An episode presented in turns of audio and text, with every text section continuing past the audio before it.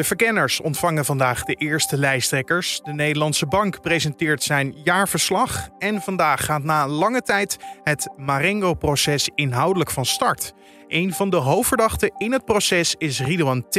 Het wordt een monsterproces van je welste en een beveiligingsoperatie die vrijwel uniek is. Weet je, de vorige zittingen dat we daar waren, eh, zag je al regelmatig een politiehelikopter in de, in de lucht hangen. Uh, ze worden allemaal aangevoerd met speciaal vervoer. Dan heb ik het over gepantserde voertuigen. Uh, er zal veel politie op de been zijn, straten afgezet. Straks praten we verder over het proces met rechtbankverslaggever Joris Peters. Maar eerst kijken we kort naar het belangrijkste nieuws van nu. Mijn naam is Carne van der Brink en het is vandaag maandag 22 maart. De prijzen van bestaande koopwoningen blijven flink stijgen. Ondanks de coronacrisis was er vorige maand een stijging van maar liefst 10,4 procent in vergelijking met 2020. Dat is de grootste stijging in bijna 20 jaar. Dat blijkt uit gegevens van het CBS en het kadaster. Ook het aantal woningen dat van eigenaar wisselde ging fors omhoog. De gemiddelde verkoopprijs van een woning was vorig jaar 334.000 euro. Dat is de hoogste prijs sinds het CBS in 1995 begon met registreren. In vrijwel alle gemeenten gingen de verkoopprijzen fors omhoog. Koopwoningen zijn het duurst in Bloemendaal en het goedkoopst in de Groningse gemeente Pekela. Amnesty wil dat de KNVB, Oranje en FIFA de druk op Qatar opvoeren. De mensenrechtenorganisatie roept de voetbalbonden bij de start van de kwalificatiereeks op een statement te maken over de misstanden in de oliestaat. Het WK voetbal in Qatar is al sinds de toewijziging in 2010 omstreden. De afgelopen jaren gaat het vooral over de belabberde omstandigheden voor migrantenarbeiders. De Britse krant The Guardian kwam een maand geleden met het nieuws dat er tussen 2010 en 2020 ruim 6.500 arbeiders om het leven zijn gekomen in Qatar. Het Nederlands elftal speelt deze en volgende week zijn eerste WK-kwalificatiewedstrijden. Demonstranten zijn zondagavond in gevecht geraakt met de politie in de Engelse stad Bristol. Duizenden betogers protesteerden tegen een wetsvoorstel dat politie meer bevoegdheden moet geven bij demonstraties die niet gewelddadig zijn. Verschillende agenten raakten gewond. Twee van hen liepen ernstige verwondingen op en zijn naar het ziekenhuis gebracht.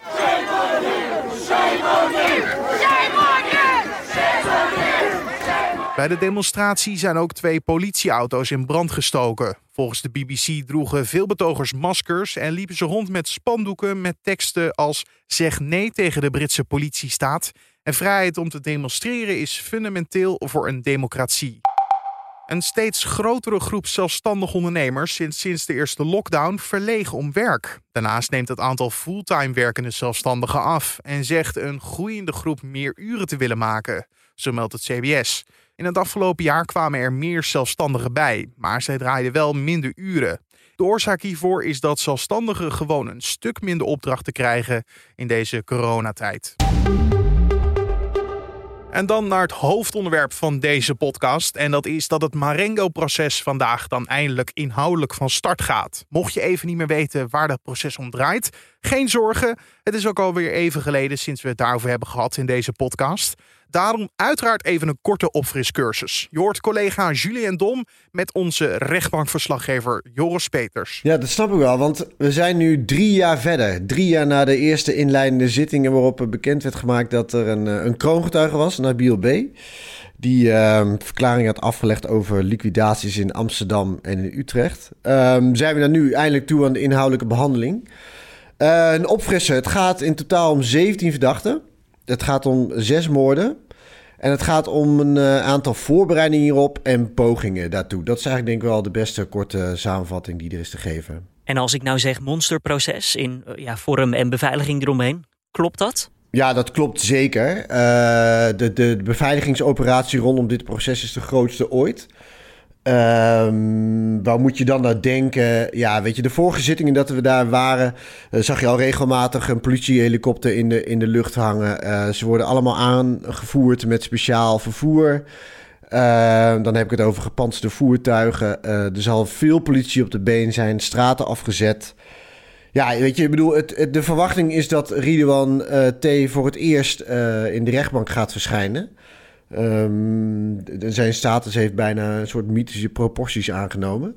Uh, dus mythische zullen, proporties, ja. Nou ja, ik bedoel, toch bedoel, het, van de grootste crimineel in Nederland wordt hij toch wel gezien. Uh, ondanks omdat hij nog niet is veroordeeld. Um, maar goed, al de verhalen, hè, mochten ze waar zijn... Uh, en de, zeker de manier waarop hij hè, naar voren komt in die berichten... als hij die zou hebben verstuurd... Ja, laten we zeggen, hij heeft de schijn tegen...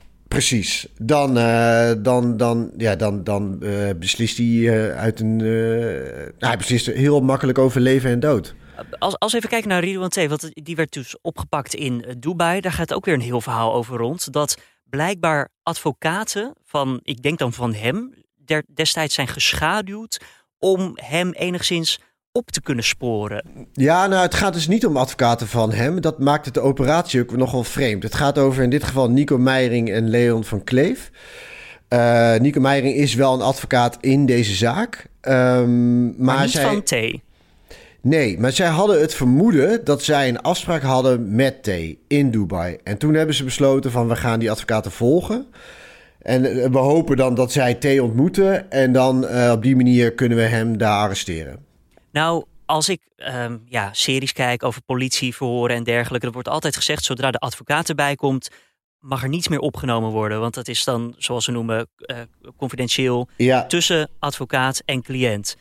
Dit ja. lijkt mij dan wel echt tegen de grenzen. Nou, dit gaat misschien wel de grens over van wat dus mag of niet. Zeker. Ja, dat, dat is het een twistpunt. Uh, het Openbaar Ministerie zegt eigenlijk... ja, jongens, we hebben het hier over Ridwan T...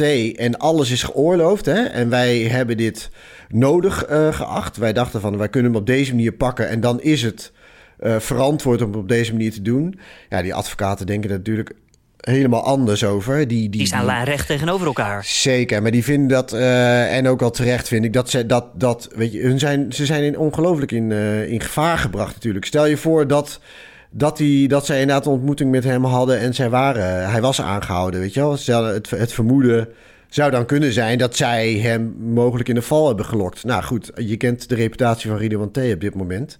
Jij zei het ooit ehm, al eerder, volgens mij was het T die zei wie praat, die gaat. Ja, precies. Dus ik bedoel, dit had heel veel, uh, uh, ja, dit had hele gevaarlijke consequenties kunnen hebben. Um, maar voor het OM is dit toch ook gevaarlijk? Want ze doen iets waarvan ze misschien zelf ja, wel zeggen, dit mag. Maar als je de regels erop naslaat, ja, het zit op die grens. Uh, ja. Als de rechter nou uiteindelijk zegt, ja, dit had niet gemogen, Wordt alles dan weggegooid? Nee, nee, nee, dat is niet het geval. Nee, dus kijk, het zal nog wel aan bod komen uh, tijdens deze zaak. En dan en wordt, dus hadden wel geoordeeld worden van, uh, mocht het nou? Uh, ging het hem niet te ver?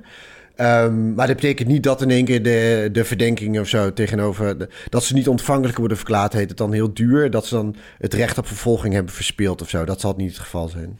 Je zei um, ehm, 17 verdachten, waarvan Ridwan T er dus één is en um, Said R is er ook één. En dat zijn ook meteen de twee kopstukken in deze zaak, toch? Ja, klopt. Ja, je hebt er nog wel, je hebt ook nog de broers uh, Mao, uh, Mao en Mario R. Die zijn ook uh, behoorlijk grote verdachten, laat ik het zo zeggen. Zien we iedereen ook deze maandag voorbij komen? Ja, als het goed is wel. Uh, het, het, is de bedoeling dat, dat alle verdachten maandag in de rechtbank zullen verschijnen. Behalve dan Said R, die zit in Colombia.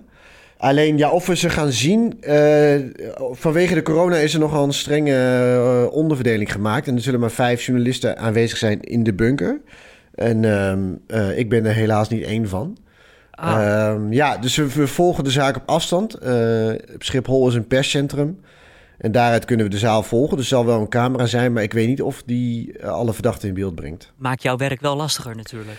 Ja, want eigenlijk is het grootste nieuws maandag vooral het, de hele heisa eromheen, om het zo maar even te omschrijven. Zoals je net zegt, de, de grootste beveiligingsoperatie. Ja, precies. Maar ook wel, weet je, van hoe, hoe is, hoe is? Hoe reageert hij op de, uh, op de verdenking? Uh, wat is zijn houding?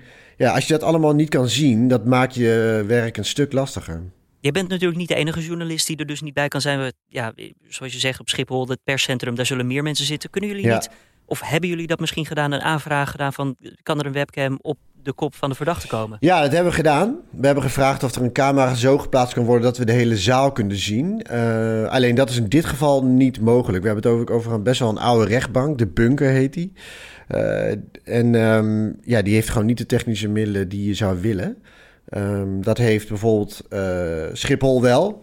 De rechtbank daar, maar daar, die wordt weer gebruikt voor andere zaken. Dus in dit geval zullen we het mee moeten doen. Maar het is zeker een, een belemmering, ja. Kijk, de uitdrukking, je zegt dat is het belangrijkste misschien. Maar wat jij wel kan meekrijgen, wat is daarvan dan het belangrijkste?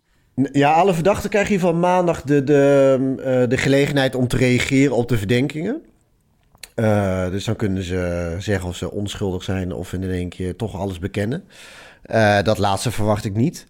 Dus dat is eigenlijk het wel het belangrijkste. Dus inhoudelijk zal er niet zo heel veel gebeuren. Hè. De zaak zal voor worden gedragen.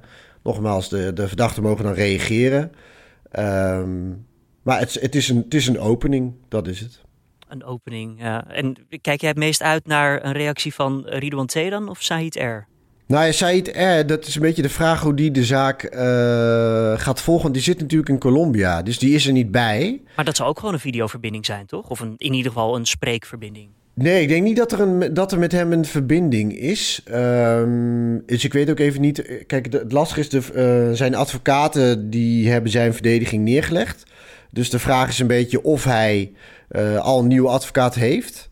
Um, maar ik denk dat dat dan uh, mogelijk besproken wordt tijdens de opening. Maar ik verwacht hem niet via een, via een videoverbinding, nee. Zou dit voor vertraging nog kunnen zorgen? Ik bedoel, nog meer vertraging? Ja, ja dat, dat is, uh, vind ik een lastige vraag. Uh, het zou kunnen, omdat uh, het natuurlijk ook over hem gaat. En dan heeft hij wel het recht op een verdediging.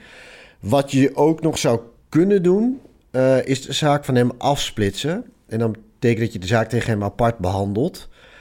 Dat zal niet de voorkeur genieten van, van de andere verdachten, denk ik. Maar dat, dat zijn mogelijkheden. Maar goed, we hebben ook wel ruimte tijd, moet ik zeggen hoor. Ik bedoel, deze zaak dat zal ongetwijfeld.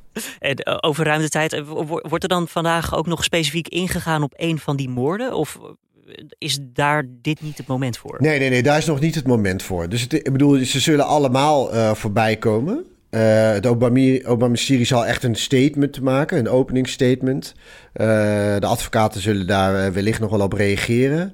Maar verwacht nog niet uh, een dossierbehandeling of zo. We gaan vandaag met deze moord beginnen of zo. Zo moet je het nog niet zien. Want wat zijn de andere ja, belangrijke data? Ik bedoel, gaan we de hele week zitten we daar te loten om de nee, zeker niet. Nee, nee. Maandag is de openingsdag en dan houdt het gelijk voor die week op. En dan gaan we in april weer verder en dan zal de kroongetuige worden gehoord. Opnieuw loten dan ook voor jou, Joris? Opnieuw loten voor mij. En de kans is ook aanwezig dat al, niet alle verdachten dan meer aanwezig zullen zijn. Want zij zullen dan uh, ook in de gelegenheid worden gesteld... bijvoorbeeld om de zaak op afstand te volgen. Als dat mogelijk is. Dus dan in de gevangenis via een uh, videoverbinding. Dus mogelijk komt er dan weer meer ruimte voor, uh, voor de pers. en hopelijk wat meer plekken. Uh, maar zo zal het dan verder gaan. Rechtbankverslaggever Joris Peters was dat. Zodra er meer te vertellen valt over Marengo, hoor je dat uiteraard hier bij nu.nl. En dan kijken we nog even wat er verder te gebeuren staat vandaag. De verkenners die de formatiemogelijkheden voor een nieuw kabinet moeten bekijken, ontvangen vandaag de eerste lijsttrekkers. Annemarie Joritsma en Kaja Alongren willen tempo maken, maar er zijn maar liefst 17 lijsttrekkers te bevragen over hun voorkeuren. Op 30 maart moeten de verkenners verslag uitbrengen aan de Tweede Kamer.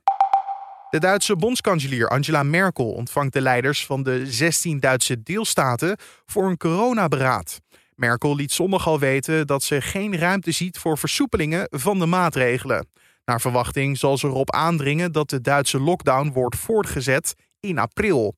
Ook in Duitsland groeit intussen het verzet tegen de lockdown. Afgelopen weekend botsten zo'n 10.000 coronademonstranten met tegendemonstranten en de politie in de stad Kassel. En de Nederlandse Bank presenteert vandaag zijn jaarverslag over 2020. Uiteraard fugeert de coronacrisis daar heel prominent in. Klaas Knot, de president van de Centrale Bank, geeft toelichting over de economische uitdagingen die door de crisis worden veroorzaakt en mogelijke wegen naar economisch herstel als het virus onder controle is. En dan het weer van Weerplaza. Wat je vandaag te wachten staat, dat kan Wouter van Bernebeek je vertellen. Vanuit het noordwesten wordt nog steeds vrij koude lucht aangevoerd, maar geleidelijk komen er wel wat meer zonnige momenten bij. De temperatuur loopt vanmiddag op naar een graad of 8 en daarbij staat een zwakke tot matige wind uit het noordwesten. Vanavond en vannacht is het overwegend bewolkt, daardoor wordt het niet veel kouder dan 1 tot 3 graden boven nul. En morgen overdag draait de wind geleidelijk naar het zuidwesten en komt de aanvoer van zachtere luchtopgang. In het zuiden kan de temperatuur al oplopen naar 11, misschien lokaal 12 graden. In het noorden blijft het nog wat frisser met een graad of 9. Het weerbeeld is wisselend bewolkt met af en toe wat zon en het blijft op de meeste plaatsen droog. Dankjewel Wouter van Bernebeek van Weerplaza. En dan zijn we aan het einde gekomen van deze podcast voor de maandag 22 maart. De podcast vind je elke maandag tot en met vrijdag in de ochtend of in de middag op de voorpagina van nu.nl of in je favoriete podcast-app. Dan moet je gewoon zoeken naar nu.nl Dit wordt het nieuws in Spotify, Apple Podcast of Google Podcast. En dan vind je ons. Je kan je gratis abonneren. Het kost helemaal niks en zo mis je geen aflevering. Dus wel zo makkelijk. Doe dat vooral. Mijn naam is Carne van der Brink. Ik wens je een hele mooie dag en tot de volgende.